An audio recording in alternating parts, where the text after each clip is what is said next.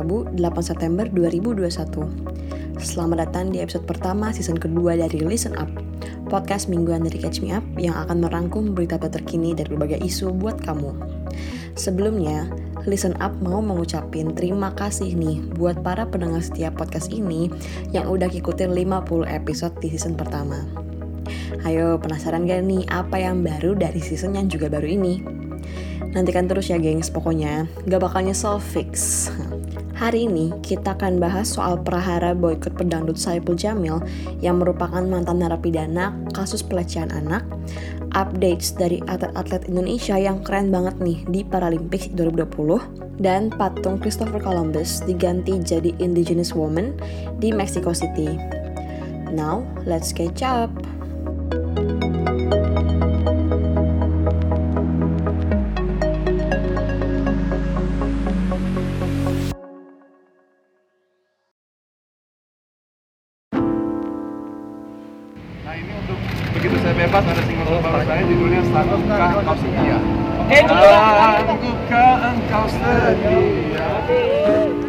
Itu tadi adalah momen kebebasan Saipul Jamil dari LP Cipinang tanggal 2 September 2021 kemarin, gengs. Doi baru selesai menjalani masa hukumannya menjadi narapidana kasus pelecehan seksual dan pencabulan anak sejak tahun 2016 silam. Meriah banget ya Doi disambut keluar penjara diliput banyak infotainment stasiun televisi nasional, ampe dipakein kalung bunga segala. Macem baru turun pesawat di Hawaii aja gitu, gengs. Nggak cuma itu, Doi juga sampai diundang ke acara Trans TV buat nyeritain pengalaman Doi di penjara.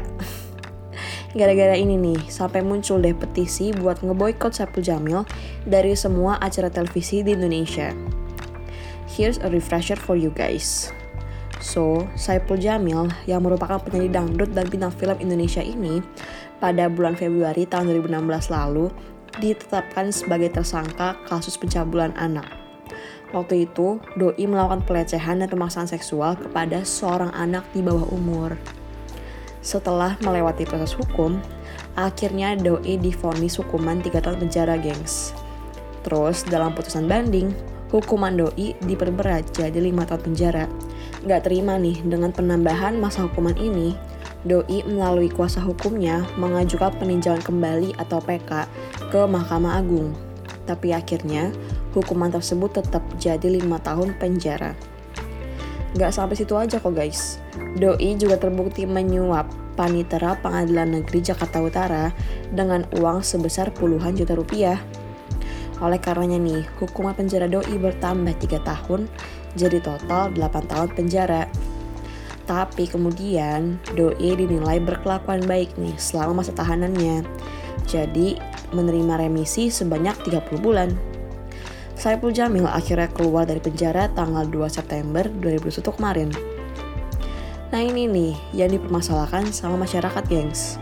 Dari awal doi keluar penjara nih, perlakuan yang diterima kayak kalung bunga dan liputan stasiun TV, sampai diundang ke banyak program TV dan channel YouTube buat ceritain pengalaman lima tahun kemarin, hal ini dinilai masyarakat nggak sensitif sama perasaan sang korban.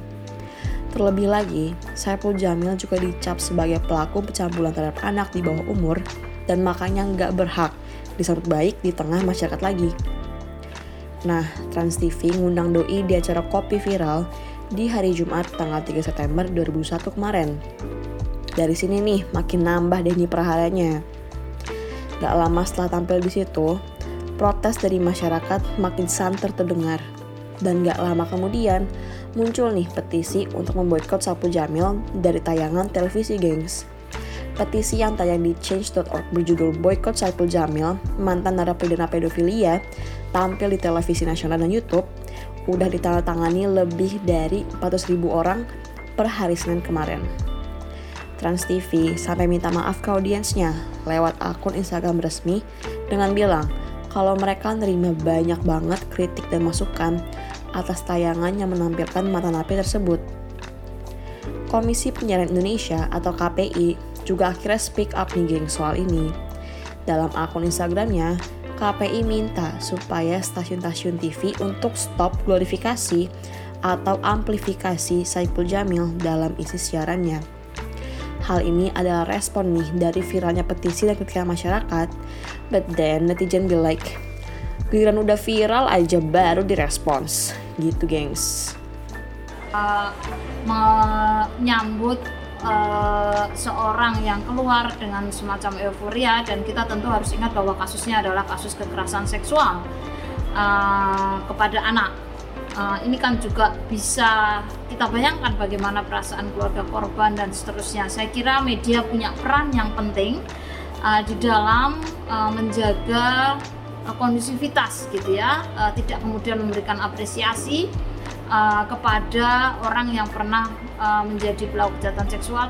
Itu tadi ada Komnas Perlindungan Anak Indonesia atau KPAI yang bilang, bukan, bukannya kita mau menghalangi Saiful Jamil cari nafkah, Cuma ya kalau kayak doi gini yang abis di penjara masih bisa berjaya di televisi, orang-orang bakal mikir, ya nggak apa lah kayak Saiful Jamil yang bisa masuk penjara, ntar juga keluar lagi, masih bakal sama kayak sebelumnya.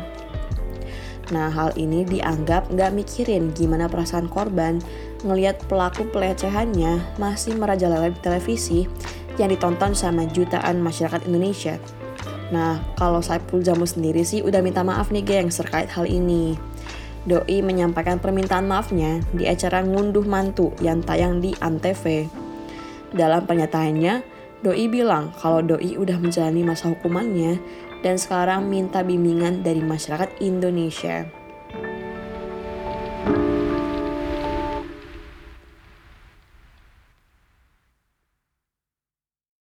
Joy for the Indonesians. Brock who'd already won gold in the doubles.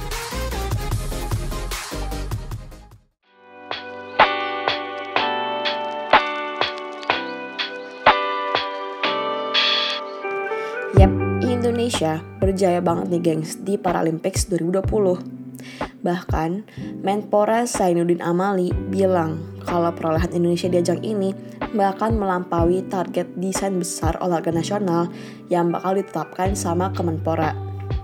Selain itu, target yang ditetapin sama National Paralympic Committee Indonesia juga terlampaui, gengs.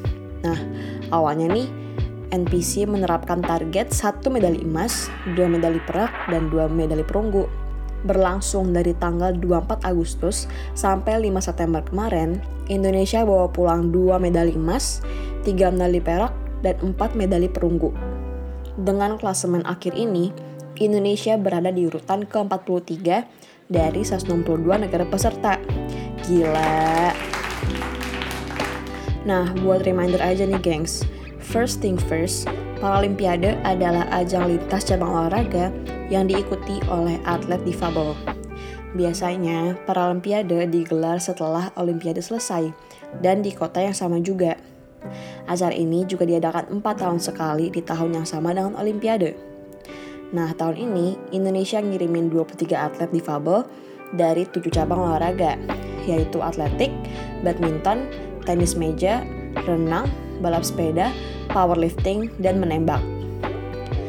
Leani Ratri Oktira yang merupakan atlet difabel Indonesia cabur bulu tangkis membawa pulang medali emas di cabur bulu tang nomor ganda putri SL3 SU5 bersama Kalimatu Sadiah dan nomor ganda campuran SL3 SU5 bersama Hari Susanto.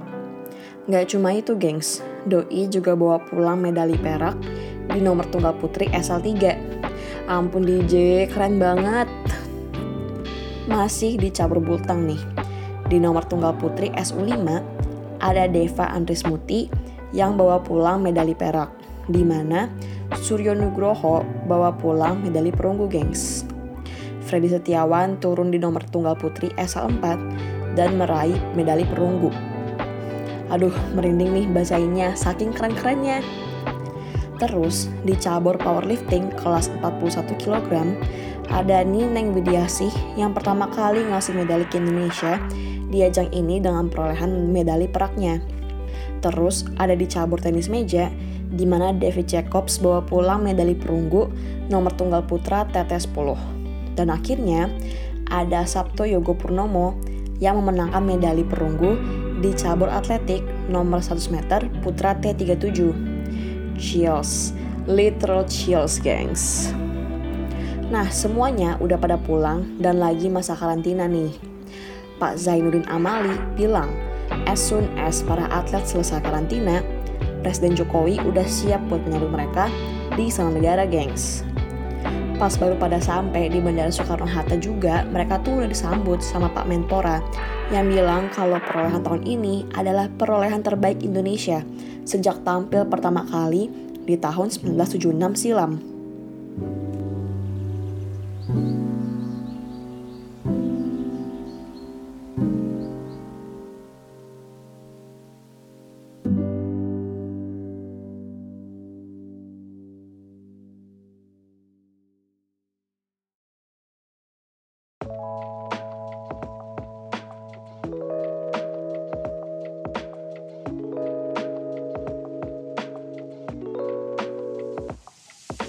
Kalau kita inget nih pelajaran kita zaman sekolah dulu, pasti kita pernah diajarin kalau Christopher Columbus adalah orang Italia yang pertama kali nge-discover benua Amerika dalam ekspedisinya.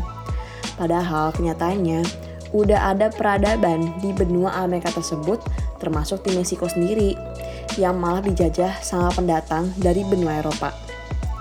Nah, di Mexico City sendiri, patung Christopher Columbus dipajang di bundaran tengah kota paling ikonik di sana, tepatnya di Paseo de la Reforma.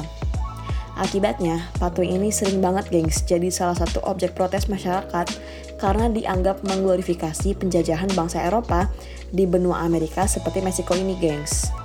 Akhirnya nih, pada hari Senin tanggal 5 September 2001, tepatnya di hari peringatan Indigenous Women, Wali Kota Mexico City, Claudia Sheinbaum, bilang bakal mengganti patung Columbus dengan patung salah satu figur indigenous women.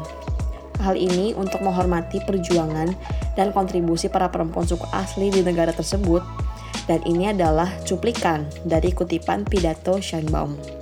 Of course, we are aware of Columbus. But two views exist, said Scheinbaum, noting on the one hand that the discovery of America concept in Europe was presented, although Mexico has been the place of civilizations for millennia. Nah, sebenarnya di tahun lalu patung Columbus emang lagi di remove buat direstorasi, gengs. Dekat-dekat hari di mana pertama kali Columbus menginjakan kaki di peradaban Meksiko zaman dulu, yang kini dikenal oleh rakyat Meksiko sebagai Dia de la Raza atau Day of the Race pada 12 Oktober 2020. Akhirnya sekarang, patung tersebut resmi diganti. Dan menurut Shanbom sih, harusnya patung baru ini bakal jadi dekat-dekat sama Day of the Race tahun ini, gengs.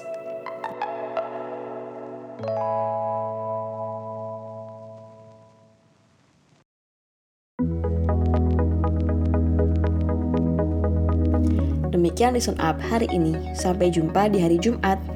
Thank you for still sticking with us in this new season. See you!